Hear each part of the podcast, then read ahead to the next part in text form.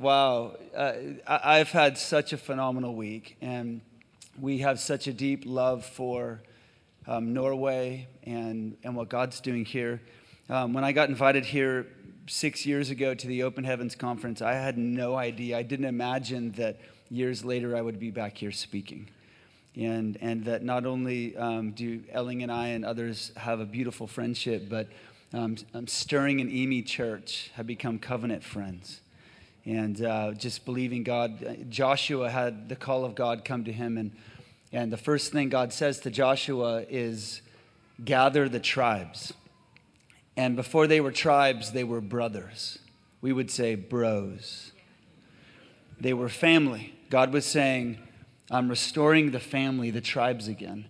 And then the first thing he says to Joshua is every tribe contends until every tribe gets their promise. And so God is uh, aligning and connecting covenant friends and cities. We call it friends and cities. Um, that, that it's not enough for us to believe God for Reading, we're believing God for Stavanger. We're believing God for Oslo. We're believing God for a worship movement in Albania. We're believing God for a sauna movement in Finland. Come on. Come on, a ministry of saunas. Um, because that's where men are most vulnerable, I hear. And vulnerability is power. And so um, it's just been incredible the connections God's making. And, and we just say, Yes, Lord. We say, Yes, Lord, that, um, that, that God is not a God of isolation that he's, he's breaking the isolation because we really do need each other. And uh, we can only go so far alone. Do you know you can only go so far with Jesus? Over in our country, there's all kinds of people that think, well, it's just me and Jesus. I don't need the church. I don't need people. You only get so far with Jesus because God doesn't save us into heaven. Wouldn't that be cool if you got saved into heaven? but instead, instead he saves you into a family. And uh, we learn that we need each other, that your destiny is in people, that your destiny is in friends. And so it's just an honor. It's an honor to be here, and thank you for the, um, the gift. And, and many of you know um, how many were here this morning? Okay, so this morning, um, Elling challenged me um, to wear a particular shirt and to preach in this, this beautiful coat of many colors. And Elling Agel, I accept the challenge.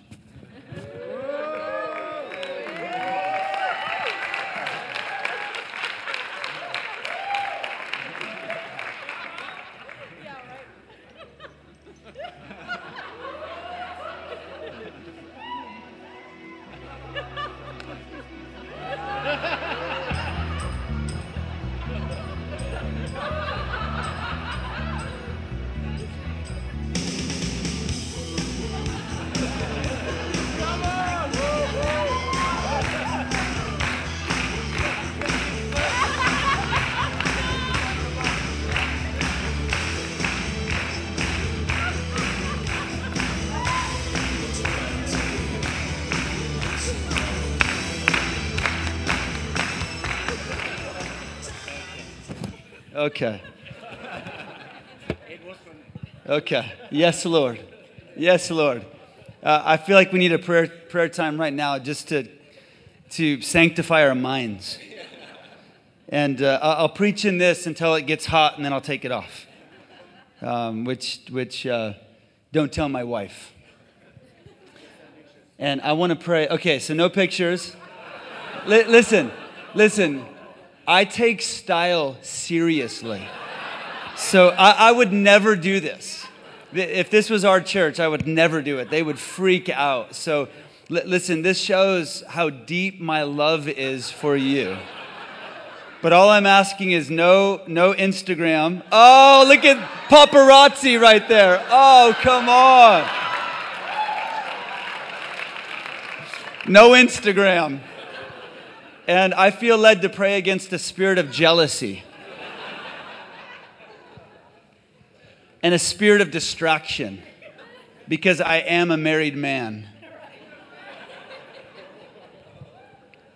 Okay, I'm going to take this off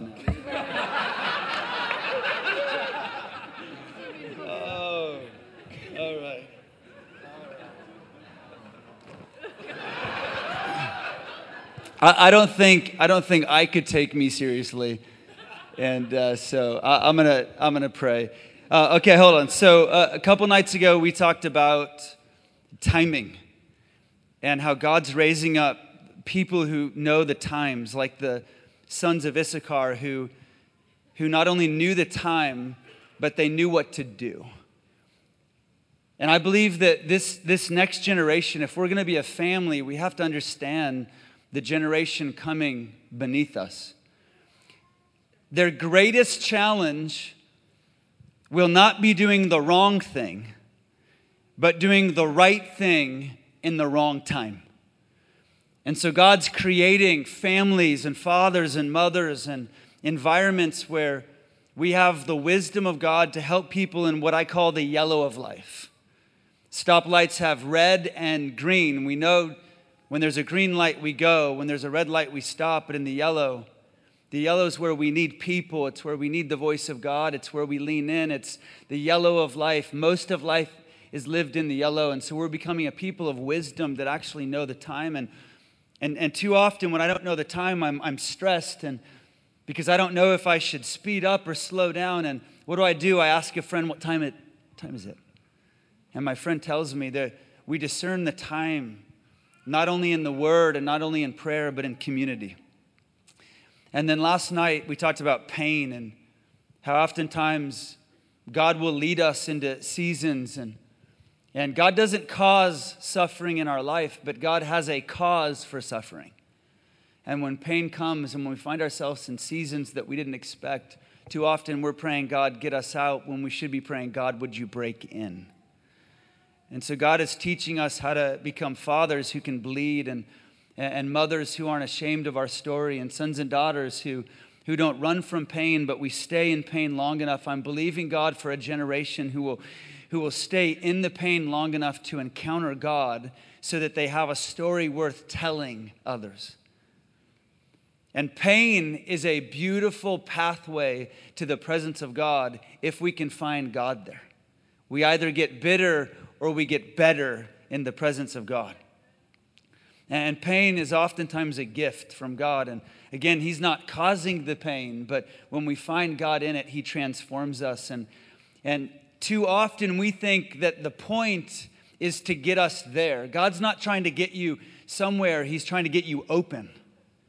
And there's nothing like pain to open a heart and transform a life. I've heard it said that the, the two great transformers of a life are love and pain. And oftentimes it's the place where I'm loved the most and the place where I find God in my pain the most that God transforms me the most. And in a culture trying to numb pain or medicate pain or avoid pain or pretend it isn't there, we're becoming people that aren't ashamed of our pain. And we're bringing our stories to God, saying, God, would you somehow redeem my story so I have a story worth offering? We talked about timing, we talked about pain. And, and uh, a couple months ago, I, I, preached a message at our church on women and empowering women in leadership. And, and Elling and some of the team asked if I would uh, preach that message here tonight. And so I want to talk about women and I want to talk about empowering women. And, and I, I want us to pray together as I'm preaching. So this, this preach is a prayer. Uh, I want us to pray because women have been the most oppressed people group on the planet, the most abused, the most trafficked, the most marginalized, and the most oppressed people group. And, and we're contending that God would break the silence over women, that God would shatter the ceilings over women, and that God would confront the oppression over women in our day. It's a massive deal through history. The world has not yet seen what God designed for a woman fully empowered on the earth. And too often in the church, we empower the men, but not the women. And, and I realize this is a different context and a different culture, but at the end of the day, God is contending for the fullness of women in leadership on the earth. Come on. All right, I'm preaching to you. And so, as I preach, would you pray And would we see God release women into the fullness of their leadership, not just in Norway, but in the Nordic nations? And may God break the silence. May He shatter the ceilings. May He confront the oppression in history.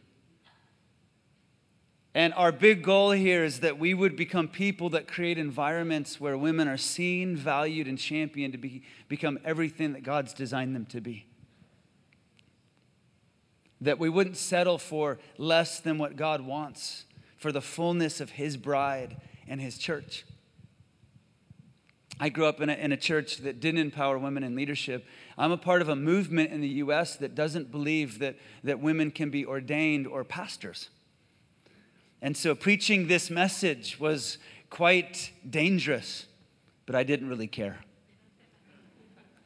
There are many movements in the U.S. that are, that are splitting and dividing over this issue. This is one of the main issues in our country. Can you empower women to be pastors? And, and uh, there's, a, there's a massive movement that, that believe that only men are meant to lead and women follow. And so I'm going to do my best today to, to build a foundation of what I believe our story actually is that God has always designed men and women to lead equally. And for some of you, my prayer is that God would equip you. As I, as I teach this message, I'm asking God to equip you because many of you are meant to carry this. There are preachers and leaders and influencers in, in this place that aren't meant to just cheer a message on, but you're, you're meant to actually carry this message. And so I'll pray that God would not only break the silence over women, but that God would actually equip many of you to carry this message. So, God, we pray that, that as I preach your word, you would release your word. God, church is always better when you show up. And God, you're contending as much as the enemy has schemed from the beginning of time to silence Eve. We know, God, that you're contending to empower her to her fullness. And we just say, Spirit of God, come in all your power and all your beauty and all your grace and mercy.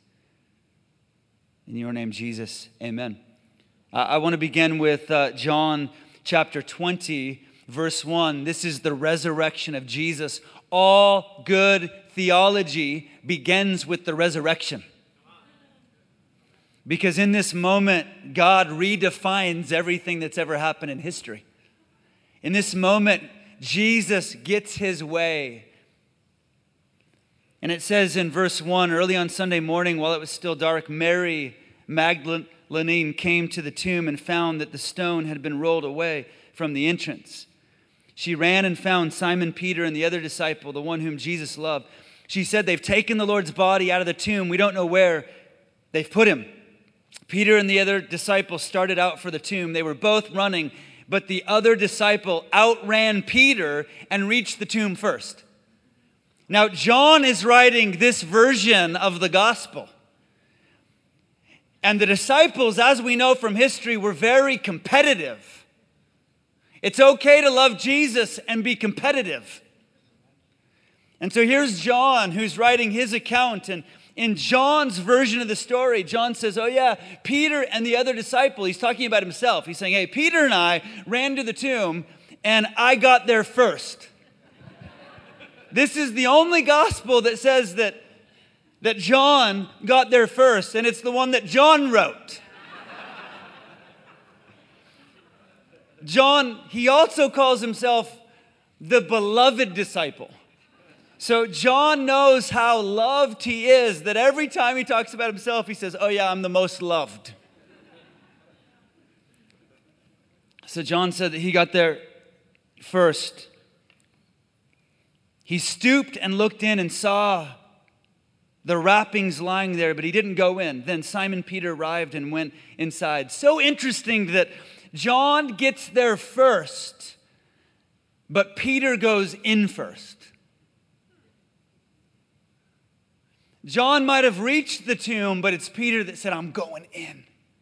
I think we all need Peters in our lives.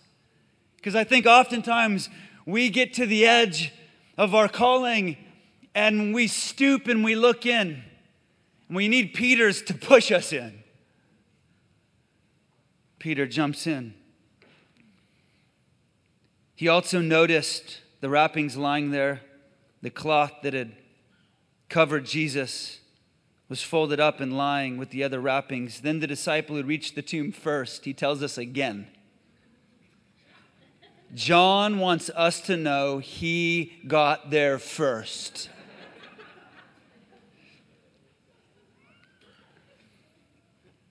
he went in and he saw and believed, for until then they still hadn't understood the scriptures that Jesus must rise from the dead. So interesting that Jesus had taught them that he would rise from the dead. Here's Jesus, and he's risen from the dead. It wasn't until they went into the tomb that they actually believed everything Jesus said.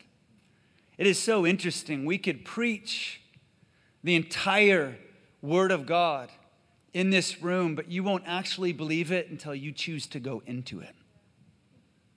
There are many in the church that are hearing what God's doing, but they're not experiencing it because they come to church and they go home. They come to church, they go home, but they don't actually ever go in to experience the presence for themselves. Do you know that you can be in the room and experience God and not actually know God? You can be in the room and have an encounter with Him and never actually go to Him in this moment they believe. And then it says this Then they went home. Verse 11 Mary was standing outside the tomb crying, and as she wept, she stooped and she looked in. She saw two white robed angels, one sitting at the head and the other at the foot of the place where the body of Jesus had been lying. Dear woman, why are you crying? The angels asked her. Because they've taken away my Lord, she replied, and I don't know where they've put him. She turned to leave and saw someone standing there. It was Jesus but she didn't recognize him because he was wearing a hoodie. Dear woman, why are you crying? Jesus asked her. What are you looking for? I love the question that Jesus asked her. What are you looking for? This is the question of the ages. This is the, the question that, that God is whispering to every person on the planet because there isn't a person on the planet who isn't searching after God. And he whispers from heaven, what are you looking for? He says to Mary, What are you looking for, woman? She thought Jesus was the gardener. Sir, she said, if you've taken him away, tell me where he is. I have to go to him. This moment in Mary's life moves me so deeply because Mary wants to be with a dead Jesus more than many believers want to be with an alive Jesus. Here's Mary, who's convinced Jesus is dead, but she has to be with him. She has to see him. She says to the gardener, Where is he? I've got to, I've got to be with him. He captured my heart. And wherever he is, I want to be with Jesus. Little does she know she's talking to Jesus. Mary, Jesus said, Jesus calls her name. She turned to him and cried out, Rabboni, which is Hebrew for teacher. Don't cling to me, Jesus said. I love that because it means she, she was clinging for him. And he steps back and he just says, Don't cling to me. This is why. For I haven't yet ascended to the Father. But go and find the brothers and tell them, I'm ascending to my Father and to your Father and to my God and your God. Then Mary found the disciples and told them, I've seen the Lord. And she preached to them the message.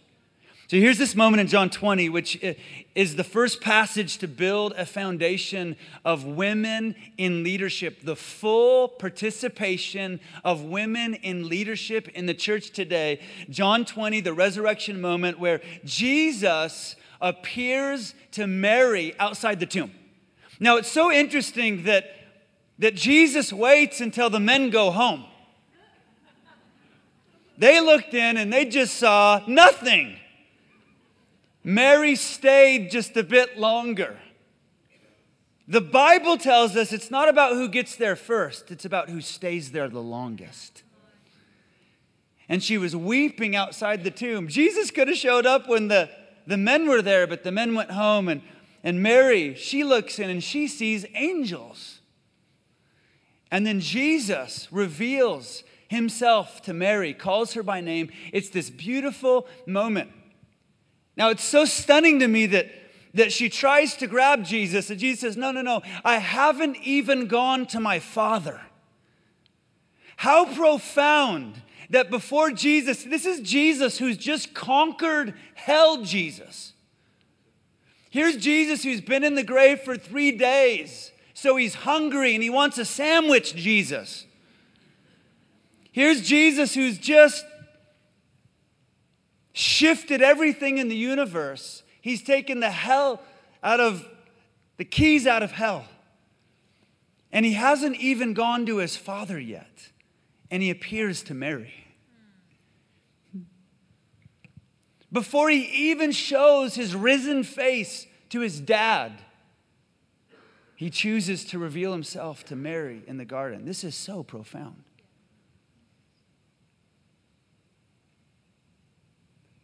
And not only does Jesus reveal himself to Mary, but he calls Mary by name.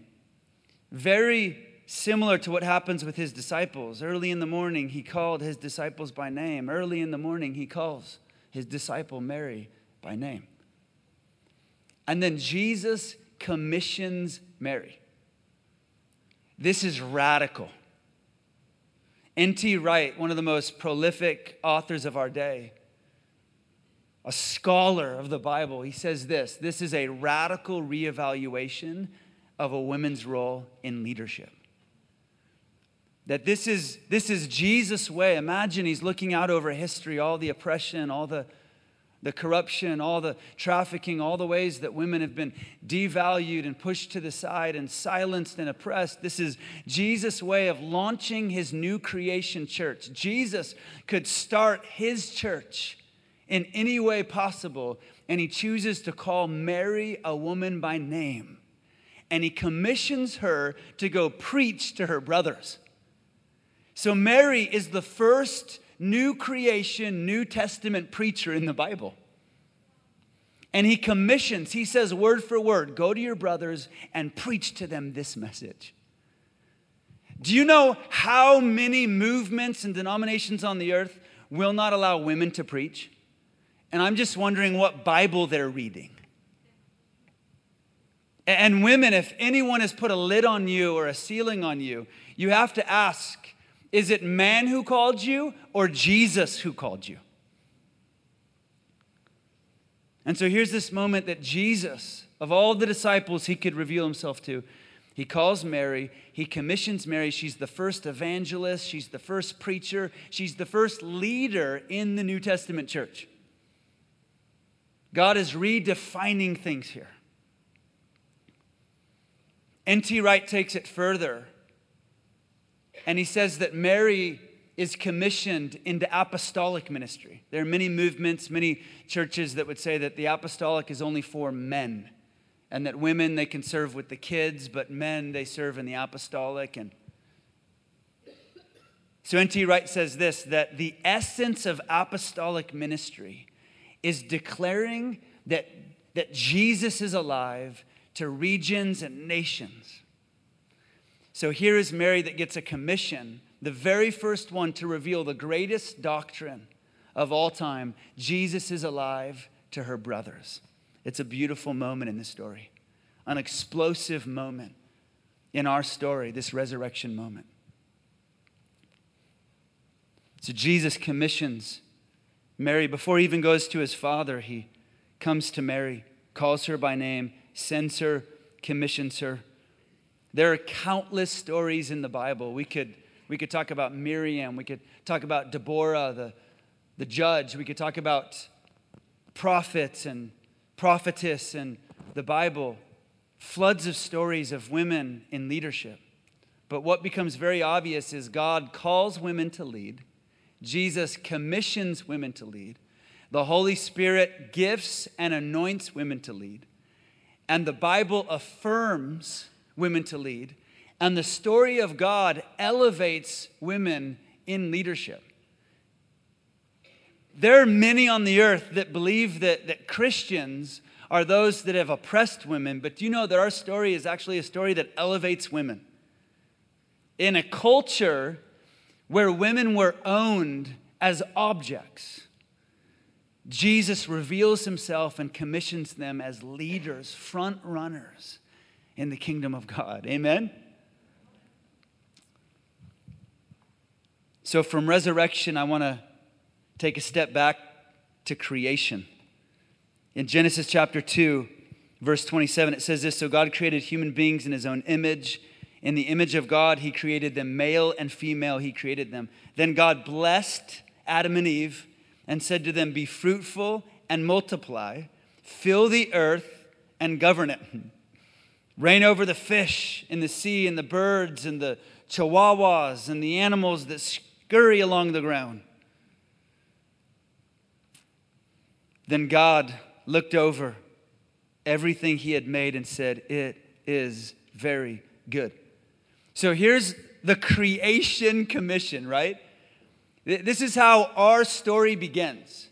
If we want to know the design and the purpose and the intent of God, we, we come to Genesis when God had the world exactly the way He wanted it. He creates a man and a woman in His image, equal image bearers in the kingdom of God, and He empowers them to lead. God blessed them said, Be fruitful and multiply, fill the earth and govern it. This is the, the language of leadership. And nowhere in this story does God say, Okay, uh, hold on, hold on. Adam, you're going to lead, and Eve is going to follow your lead. If God wanted a distinction in leadership here, now listen, men and women are different, and and so, how men are going to express Jesus and how women are going to express Jesus is different. So, there's a unique expression, but we're talking about value and we're talking about image bearing and we're talking about leadership. If God wanted to make some distinction, then He, he would have done it here. But He blesses them to lead, to fill the earth. So interesting that the, the first command in the Bible is to have sex. God is not ashamed of sexuality. Sex wasn't something that we found in some dark alley in Norway. Uh, God was in heaven at some point and, and he was talking to the, the angels and he said, Hey guys, I have this idea. And they came over and they said, What is it? More flowers? And he said, No more flowers. Is it more animals? No, no more animals or koalas or is it more birds? No. And he began to describe this gift of sex. And God gives it to Adam and Eve to be fruitful and multiply, and they're, they're equal image bearers and equal leaders in the kingdom. His vision for two to become one. And then what happens in this story, it it talks about how God created Adam, and at some point, God looked and said, Oh, it's not good for Adam to be alone, that Adam was having a hard time. Adam was looking for a mate, and none of the animals were doing it. And so God brings him Eve. And I love that he put Adam into a deep sleep, and he took Eve from his feet Actually, it wasn't his feet, was it? No. Okay, I was just testing you. I was testing you. Read your Bible. He, he, he took Eve from his head. No. Okay, awesome. All right. The Bible says that he took Eve from his side. What a profound picture that they're meant to lead equally side by side. That she isn't beneath him and she isn't above him, but she's beside him. And then what happens in the story, there's an assault. The first assault is against marriage. The first assault is against the, the image of God, the intimacy of God in marriage. There, there's an assault uh, on, on family. In Genesis chapter 3, the enemy comes and begins tempting them that, that somehow what God has given them is no longer good enough that God is holding out, that God hasn't actually given them the best. And so rather than live in gratitude, Because when we are most grateful, we are least lustful. Instead of living in the gratitude of the garden, they begin to question wait, wait, maybe God isn't giving us his best. Maybe we can't trust God. They turn their backs on God and sin enters the world. The enemy begins to have his way, and God shows up and begins to speak to them. They're feeling naked for the first time. God says, Who told you you were naked? They're hiding, they're covering, they're blaming. And then, so interesting, the curse here.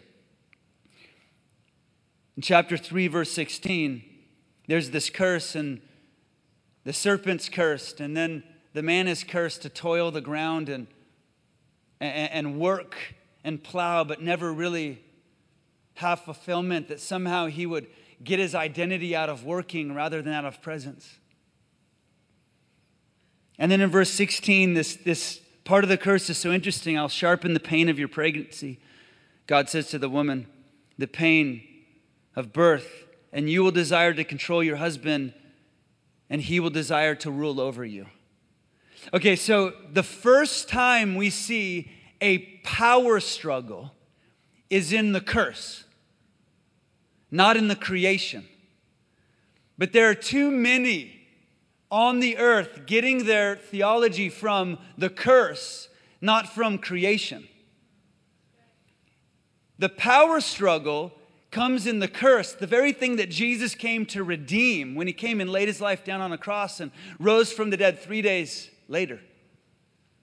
So, in the curse, there's a power struggle that, that, that she would seek to, to manipulate him, that she would seek to control him. And I, I know no women in Norway have ever dealt with control, just in my country. But that he would seek to dominate her and to, to use violence over her. And so we have this power struggle that happens because of the curse, but we don't get our theology from Genesis 3, we get our theology from Genesis 1. And I think too often we have what I call a Bible within a Bible. There are many that have built their own theology, their own story, and there are many that have a theology that begins in Genesis 3 and ends in Revelation 20.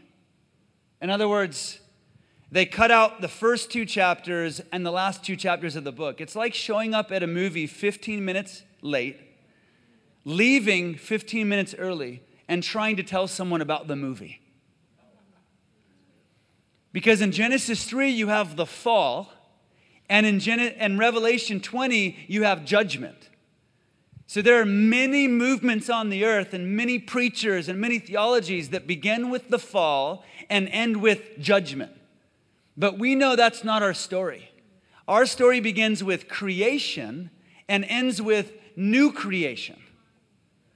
So we have to have a theology of creation to new creation. There is a fall. Jesus came to redeem the fall so that we could walk in the reality of new creation here and now. Knowing our story is so important. How many of you have seen the movie Star Wars?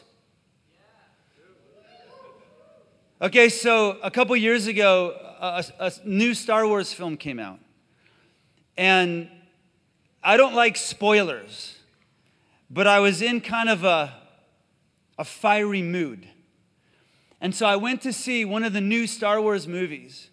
But I got on Facebook and I said, Hey guys, I'm going to see Star Wars, but I hear Yoda dies.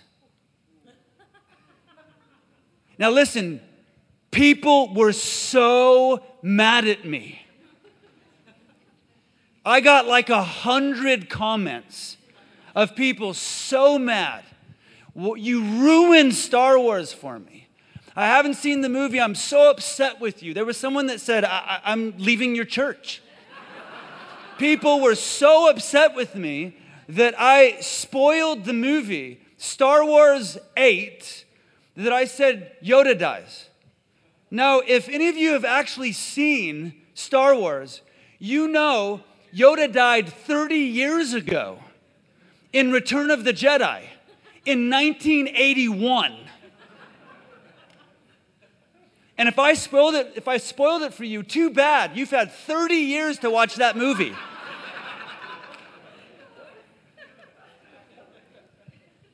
People were upset at me because they don't know their story. And when we don't know the story, we get upset and we talk about judgment and fire and hell and we talk about the fall and we get our theology. We create a Bible within a Bible rather than telling the full story of God. So, from creation in Genesis to commission in John chapter 20, you have a God that's contending for the fullness of women to step into leadership, whether as moms or as preachers or as baristas or as doctors whether working with kids or companies, that they'd step into the, the fullness of the leadership potential that God has put in them because God lives in them. But then it goes even further. In Acts chapter 2, the Holy Spirit comes empowering the church. They've been praying, they've been waiting.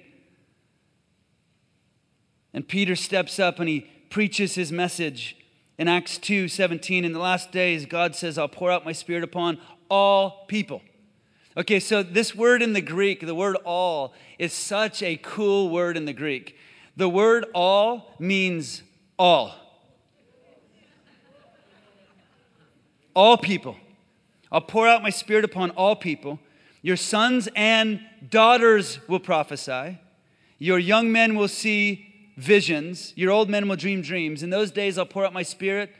Even on my servants, men and women alike, they will prophesy.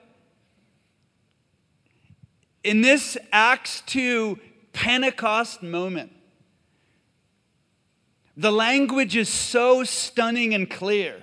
I'll pour out my spirit on all people Sons and daughters will prophesy, servants, men and women alike. It's God's way of saying, hey, listen, there's no distinctions. Everybody gets to walk in the fullness of the call on their life. There's no part of the story where it says, well, I'm going to pour out my spirit and sons will prophesy and, and daughters, they get to just dance in the front row. There's nowhere in Acts 2 that it says, and men will lead and preach, and women, they'll wear head coverings.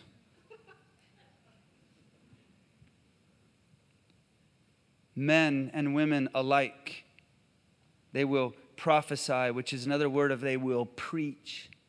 They will speak out the word of the Lord. And then later on in Galatians 3, chapter 28, Paul says there's no longer Jew nor Gentile, slave or free, male or female, for you are all one in Christ Jesus, true children of God. Okay, listen, guys, you need to understand this is the most revolutionary thing that had ever been spoken about women in history. At this point in history, there, there had never been a religion, there had never been a movement, there had never been a word, there had never been anything written that would give women any sort of dignity outside of being objects or owned. They, they, they did not have the right to vote, they didn't have the right to do anything. Paul comes along and writes a letter to house churches of new believers that are, that are starting new churches in their homes. And Listen, they would have read this and wept together. Nothing had ever been said like this in history. Listen, I'm equipping you, church. There are people that believe that the church is anti women. Paul comes along and says, Listen, neither male nor female, neither slave or free, Jew or Gentile. He breaks down all the walls and all the distinctions here. And what's interesting is Paul's the guy that, that most movements that are anti women leading, Paul's the, Paul's the guy that they quote because There are two passages, 1 Corinthians 14 and 1 Timothy 2, two passages where, where Paul is speaking to uh, house churches. He's speaking to a particular city, a particular context and region. And Paul says, I, I don't allow women to speak in the church, they must be silent. And in another context, he says, I refuse to allow a woman to teach a man. There's two places in all of Paul's writings that he says this. And what happens is, too often, we build whole theologies on isolated verses. We don't understand the context that, no, no, no, no, Paul was talking to a, a, group and there was something particular happening. Listen, we could spend all day looking at Paul's teachings and we don't have time to do that. But you have to understand there's a, there's a context that Paul is speaking to. Out of all the letters and out of all 66 books in the Bible, we only have a couple passages that speak to this. If, if God, from creation to commission to Pentecost to new creation, if God wanted women to be silent in the church, then He could have made it so. So there's two places where, where Paul is speaking to a particular context. But here's the reality God doesn't reveal himself in isolated doctrines, God reveals himself in a story. And so our story defines our doctrine, not the other way around. Many cults, many oppressive church movements, many wars, much oppression in the church has happened because we've taken a verse out of context and made it the whole story. I mean, there are movements all over the earth that believe that the Holy Spirit doesn't actually empower our lives anymore because we have the Word. There are churches all over that say, well, now that we have the Bible, we don't need the Holy Spirit, and so there's no spiritual gifts for today. That's taking isolated verses and creating a story that never existed. So it's so important that we understand the story. And my goal today is that you'd be equipped with the story from creation to Jesus' commission in John 20 to Acts 2, Pentecost, the Holy Spirit, to new creation, Paul's teaching in Galatians 3:28. I call this the four pillars. As a foundation that the story of God has always been one empowering women to lead in the fullness.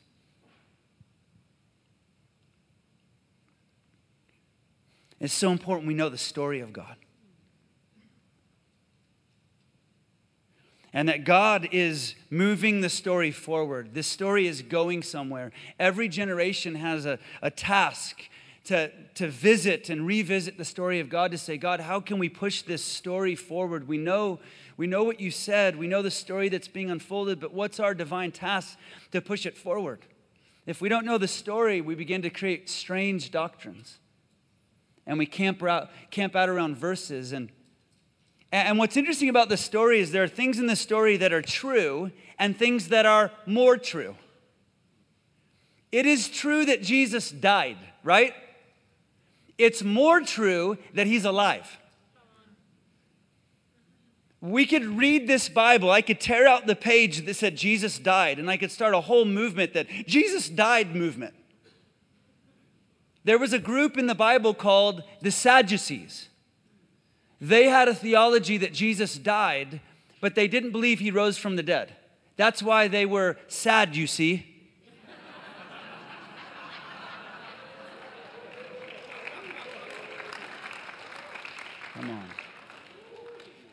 Or if someone asked me, if someone said, hey, hey, are you single?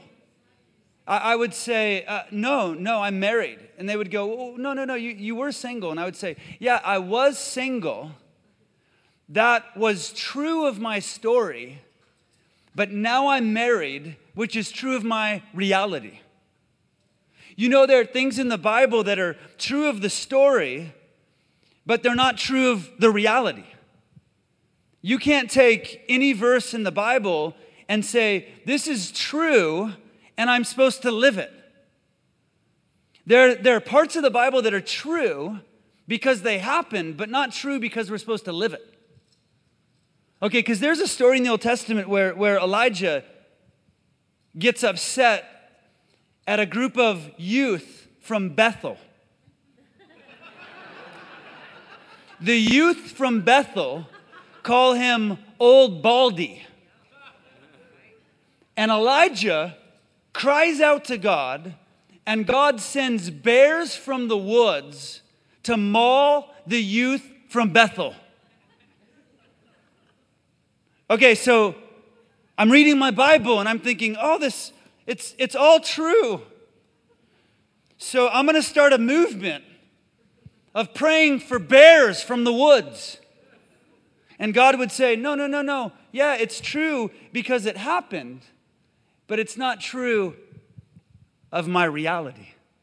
There's an Old Testament that shifted deeply when Jesus came. So it's important we understand the story because when we know the story and where it's going, then all the doctrine starts to make sense and we're able to go, hey, we don't pray for bears, do we? we don't pray for bears. We don't do that anymore. That's not what God's doing anymore. Because I know the story and where it's headed. So we've talked about creation, we've talked about commission, we've talked about Pentecost, Holy Spirit, we've talked about new creation. What's so interesting is I don't, I don't know if we understand how much we've been influenced by church history. And again, I'm not sure how much this has affected the theology um, in Europe, but it's massively affected our theology in the US. I'm going to read just a few quotes from the early church fathers. So these are, these are the early church fathers, just, just a, a couple hundred years after Jesus, trying to make sense of, of this life with God. And I found this quote of Tertullian from the third century, and he says this Do you not know that you are each an Eve? He's speaking to the women. The sentence of God on this sex of yours lives in this age, and the guilt must too. You are the devil's gateway, he says the unsealer of that forbidden tree, the first deserter of the divine law, you are she who persuaded him, whom the devil was not so valiant enough to attack. You destroyed so easily God's image on account of your desert death, even that the Son of God had to die. So here's one of the first church fathers saying to Eve, it was your fault. And nothing is said about passive Adam. Where was Adam when the enemy attacked Eve? and this church father blames her and calls her the unsealer of the forbidden fruit and, and has the, the guts enough to say, because of your sin, Jesus had to come. Now, what's confusing about this is he's the same theologian that coined the phrase the Trinity. Huh. He says this I will not permit a woman to even learn with boldness, let alone give a female the power to teach or baptize anyone. Okay, wow, some father. Then you've got Ambrose, another church father in the 300s he says this In fact, even though the man was created outside paradise, he's found superior, while a woman created in paradise is found inferior. So the church fathers had a theology that men were superior and women were inferior. And they were very bold about this in their writings. And then Augustine, the same Augustine that whose writings drew our souls and our hearts to fall in love with God. He writes this If it were not the case that the woman was created to be man's helper, specifically for the production of children, then why would she be called a helper? Was it that she might work the land with him? No. And even if she had been required to work the land, a male would be a better option I can't think of any reason for a woman to be a man's helper other than procreation. Okay, that's awful. That is awful theology. And it's not biblical at all. That is twisting the whole creation account. The church fathers had a very inferior and oppressive view of women. And then Thomas Aquinas says this Women are dominated by sexual appetite, and men are ruled by reason. On what planet?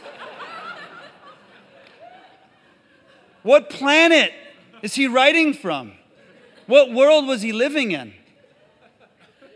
He says this children ought to love their father more than their mother. We could go on and on and, and quote the church fathers, but it's quite depressing, isn't it? But I want us to have an awareness that, that in the first few hundred years after Jesus, the fathers had a very poor theology of women that has influenced church theology far more than we understand. I mean, even if you turn to 1 Corinthians 15, this is Paul writing 50 years later after Jesus' resurrection in 1 Corinthians 15. Paul says this, verse 4. This is the account, this is like the epic account that most church theologies base their story on. It says this Jesus was buried, raised from the dead on the third day, just as the scriptures said. He was seen by Peter and then by the 12 disciples. After that, he was seen by more than 500 of his followers. At one time, most who are still alive. Did you hear what I just said? This is Paul right 50 years later. Paul said, Jesus died, he rose from the dead, he was seen first by Peter, then the 12 disciples, then 500 others. What did we just read in John? Jesus was first seen by Mary. And not just Mary, this is Mary who had seven demons, Mary. This is Mary who was demon possessed, Mary. So 50 years later, Paul, uh, in the official writings here, they've already airbrushed the women right out of the account. And most likely, this is what scholars will say, most likely because no one would have believed that a movement would have begun by a woman. No one would have believed it.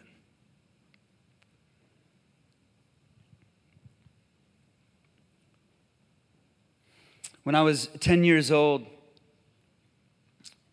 I was worshiping in our church.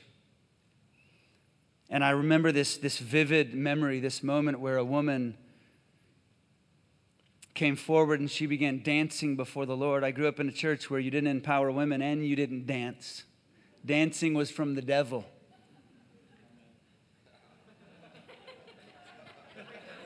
And a woman was dancing up front, and another woman jumped up and ran to that woman, grabbed her fiercely by the arms, pulled her arms down, and walked her right out of the church. I remember seeing this as a 10 year old. And the most painful part of this moment was I didn't know what was right or wrong. Because religion has a sneaky way of making right things look wrong and wrong things look right. I was confused for years. I wonder how many women have been silenced in their dance.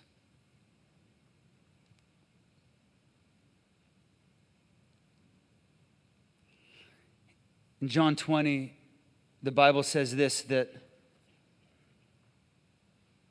the men ran to the tomb, they didn't see Jesus, the men went home. There's a influential conservative pastor in the United States who's very anti women in leadership. And he influences many movements in our nation.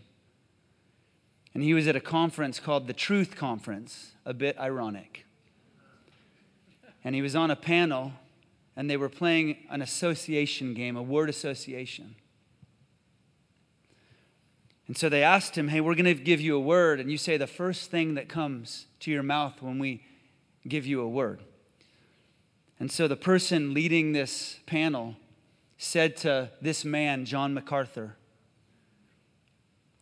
What's the first thing that comes to your mind when I say Beth Moore? Now, Beth Moore is a woman preacher in the United States, a powerful woman preacher, has been a voice to many. So this host says Beth Moore, and the first words out of John MacArthur's mouth were, Beth Moore, go home. Now, someone happened to be filming this, and it went viral on the internet, and it upset the whole nation. Very, very, very many movements were upset at what John said publicly, but many actually believe that privately. What's so interesting about the passage in John 20 is it said, the men went home.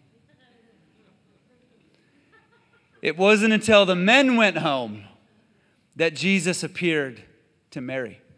It's almost as if Jesus waited until the men went home. Now, I'm not saying we devalue men in leadership to value women.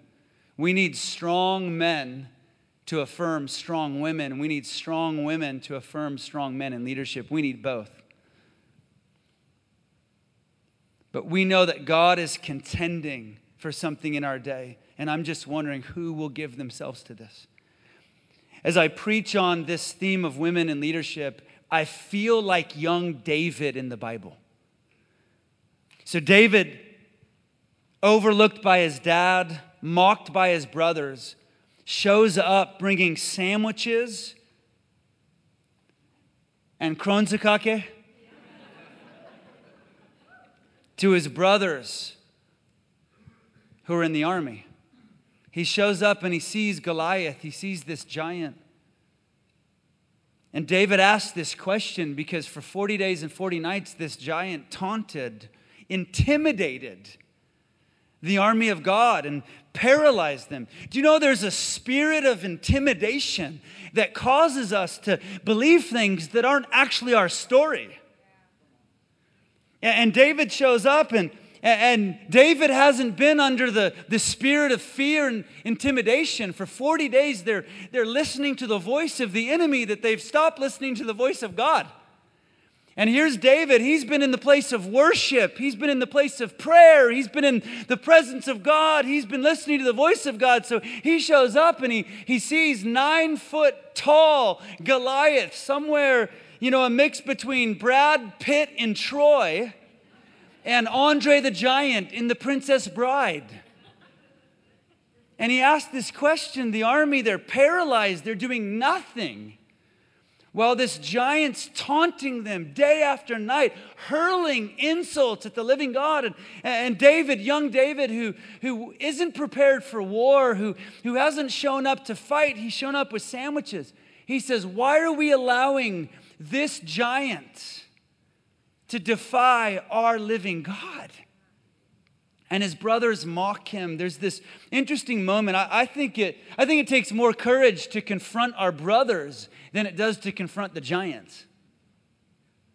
And I think too often the, the fear of man and, and not being bold and not shouting our story because we don't want to offend anyone.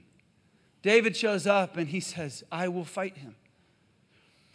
Listen, when it comes to breaking the silence over women, when it comes to confronting the oppression in the church and in culture, when it comes to shattering the ceilings, God's raising up Davids that aren't intimidated by bullies and their doctrine, but they will show up and say, I will face this giant.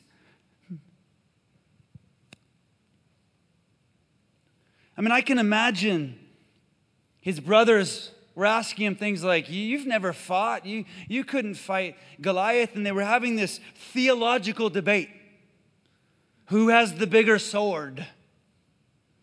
They were having this conversation. There's no way you could fight him. He's, he's been fighting since he was a youth, and they're having this theological conversation. At some point, we got to step out of the theological arguments because, hey guys, there's still a giant. We just sent a team to work with refugees in Greece, and they, they were working with a, a, a village of hundreds of refugees. They interviewed all of the women in one refugee camp, from the youngest girls to the oldest women. They interviewed them.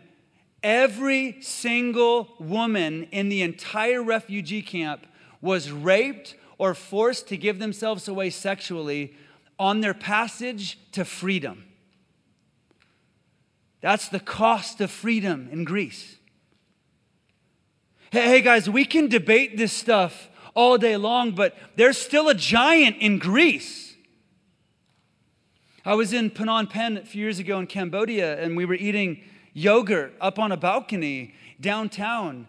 And as we sat there eating yogurt, looking over the red light district of Phnom Penh, Young man after young man after young man after young man after young man pulled up taking young girls off to a hotel to sexually abuse for the night. Hey, we can argue this stuff in the ivory towers of theology, but hey, there's still a giant in Cambodia. And somebody's got to face that giant and say, We will be the church that contends to shatter the ceilings, break the silence, and confront the oppression of women in our day because the assault on Eve lives on.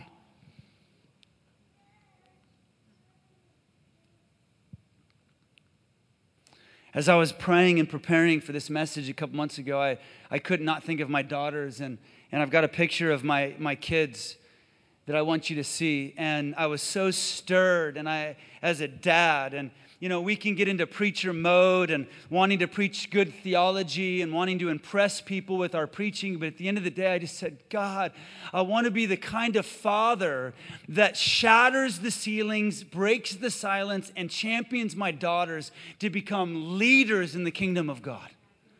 At the end of the day, I don't care how good I can preach this stuff if I can't father my own daughters, if, if, I, if I can't be the kind of father that champions them that, that gets out of the way enough to put them in the way. And I started burning for these girls that, that they would be raised in an, an environment, they'd be raised in a church where, where as they get older, they wouldn't even know there was a day that women couldn't be empowered. Because there's still a giant. And there's still a spirit of intimidation in the church around the world. And my prayer is that God would raise up churches that create environments where women are empowered in their fullness. John Ortberg says it like this. He said, he says, right now the, the, the church is, is living the kingdom with one hand tied behind their back. Can you imagine what would happen if we unleashed the other hand? And globally, do you know that around the world, around the world, women are leading missionally around the world? In, in Korea and China and these other countries in Cambodia, like 75% of the leaders are women. So apparently, God has good theology. And God is not bound by poor doctrine. And where men won't step up and lead, God is empowering women around the world who are getting fierce while men are getting identity, working the soil and getting identity and other things. There are women going, hey, listen, I have nothing to lose. Send me in, coach. There's still a giant. So I want to pray. I want to do a, a prophetic act. And then we're going to pray. And I want to pray for two things specifically tonight. You guys are so quiet, and I hear that in Norway, quiet's a good thing. Amen. When the church gets quiet in the U.S., it means you need to stop preaching, get off stage and pray and ask God to give you a better message. if you guys would stand right now as the, the, the, worship team comes, I believe God wants to do something right now. And I don't know where you're at as a, as a nation. I don't know where you're at as a church. I don't know where you're at as fathers and mothers. I don't know where you're at as families and or personally in this place, but I believe God's going to move in power.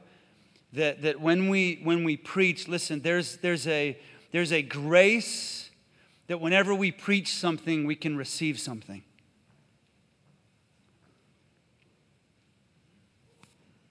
And I want to I want to do something a, a, prophetic act as a David. I'm to I'm to take a, a, stone. I wish I had a real stone, but I would hurt someone. But I, am to I'm to take my my spirit sling and my my my stone here and and I, I I heard the Lord say this that that sometimes we're the stone He puts in the sling.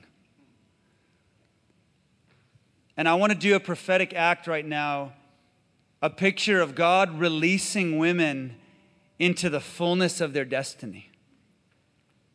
So I'm going to do my best to sling a stone at the giant that's oppressing women on the earth.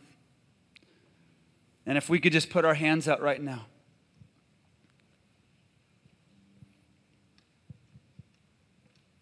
God, we ask that you raise up Davids, young men, young women, old men, old women God, that we could, as a generation, somehow use what we have to move this story along, God. And in your name, Jesus, God, we ask that you would raise up powerful women in Albania.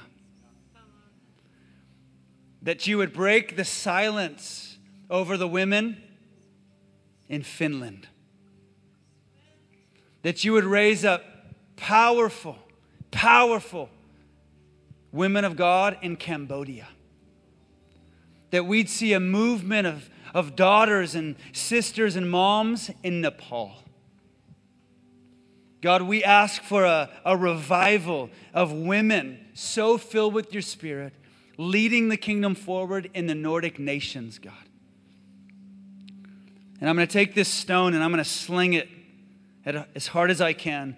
And when I do, I'm asking God to break the silence off of your lives, women. I'm asking, uh, this is a prophetic act. God, would you shatter the ceilings, break silence, confront the oppression, even in this room? In your name, Jesus.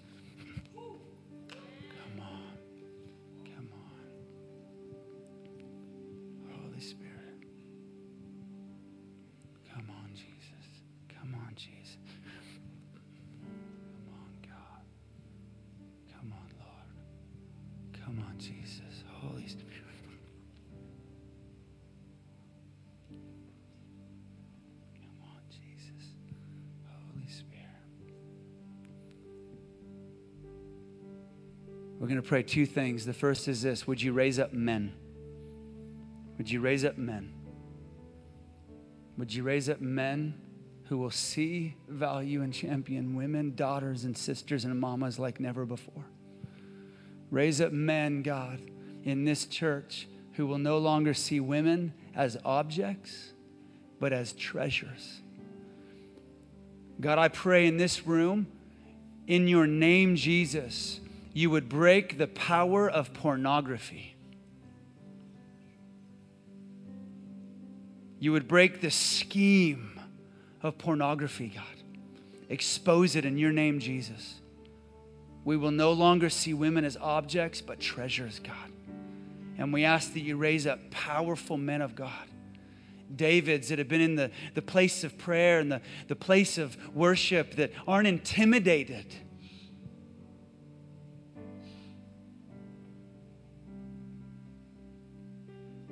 And men, if you're in this room and, and you'll say yes to that, just put up your hand. I want to see, I want to see the men of God. I want to see the, the Norwegian warriors. Come on. Holy Spirit. God, raise up men. God, give us new eyes. Let it begin with our wives. Let it begin with our daughters. Maybe there are fathers in here that have to go back to daughters. Maybe you feel like you blew it with your own kids. God, would you restore it? Would you redeem it? It's never too late. Raise up powerful men who aren't threatened by powerful women. Come on, Lord. Come on, Jesus. And then we're going to pray for one more thing. Men, just stay, stay where you're at. Um, but I, I want to invite, I want to invite those women. I just felt like we're meant, we're meant to commission women into leadership. And uh, I, want to, I want to make it a bit specific. Those women in here that feel called to lead. Now we're all called to lead, so I understand that. But there are some in here you feel called to preach, you feel called to pioneer. Some of you to church plant, some of you to, to, to prophesy um, some of you to pastor. And I believe God's going to actually commission you. Jesus commissions you. We just get to be a part of it, which is fun. And uh, maybe this is something you guys do quite often. I have no idea, but I just, if you're here and you're just sensing the call to lead, and it's time to be commissioned into full time ministry. Do you know there's no part time ministry? There's no like I just I, I just volunteer here. There's no just, I volunteer. It's not in the Bible. You know, there's no place in the Bible where Jesus is like, well, you know, some are full time, some are part time, some just volunteer. So we're going to commission some women preachers. We're going to commission some women prophets, some, some women pastors and pioneers and, and planters and poets in this place. And I'm just so happy it all starts with P. Makes it easy. And if that's you, if you just come forward right now, if you'd come forward, and then, and then we're going to come. Some of us uh, men are going to come. We're going to lay hands on you, and we're going to commission you. Come on. God, do it. Holy Spirit, move in this place.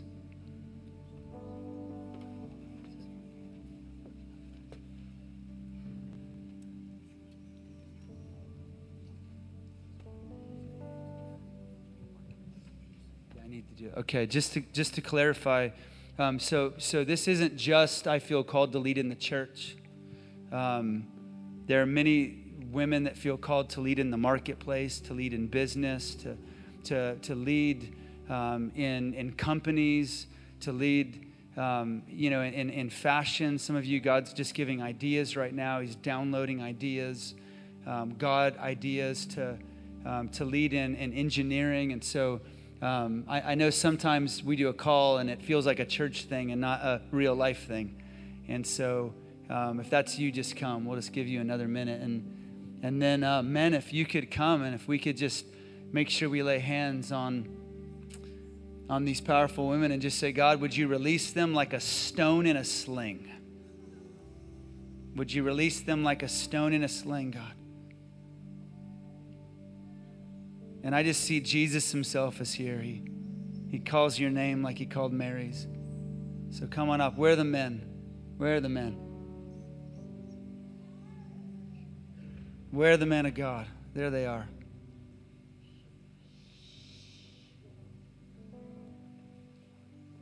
Come on. How come there's always more women than men?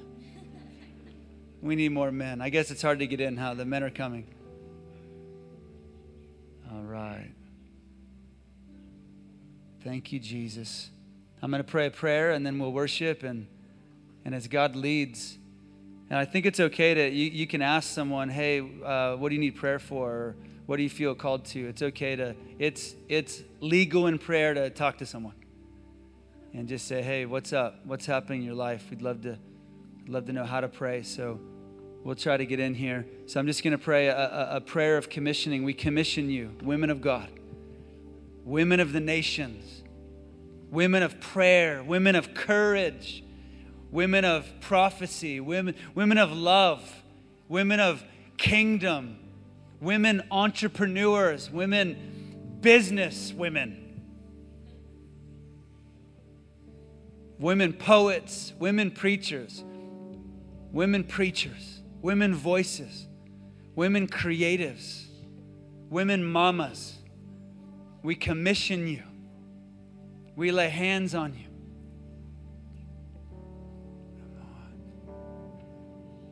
As a symbol of Jesus' hand on you, in the same way that he commissioned Mary and he said, Mary, go. We commission you. We commission you in the name of Jesus. Thank you, Lord. Thank you, Lord. Thank you, Jesus. Let's just stay in this place for a few minutes. If you guys want to lead us in worship, and let's go for it in prayer. We need more men in here. Come on. We need to make a way. Let's part the sea. Let's part the sea a bit.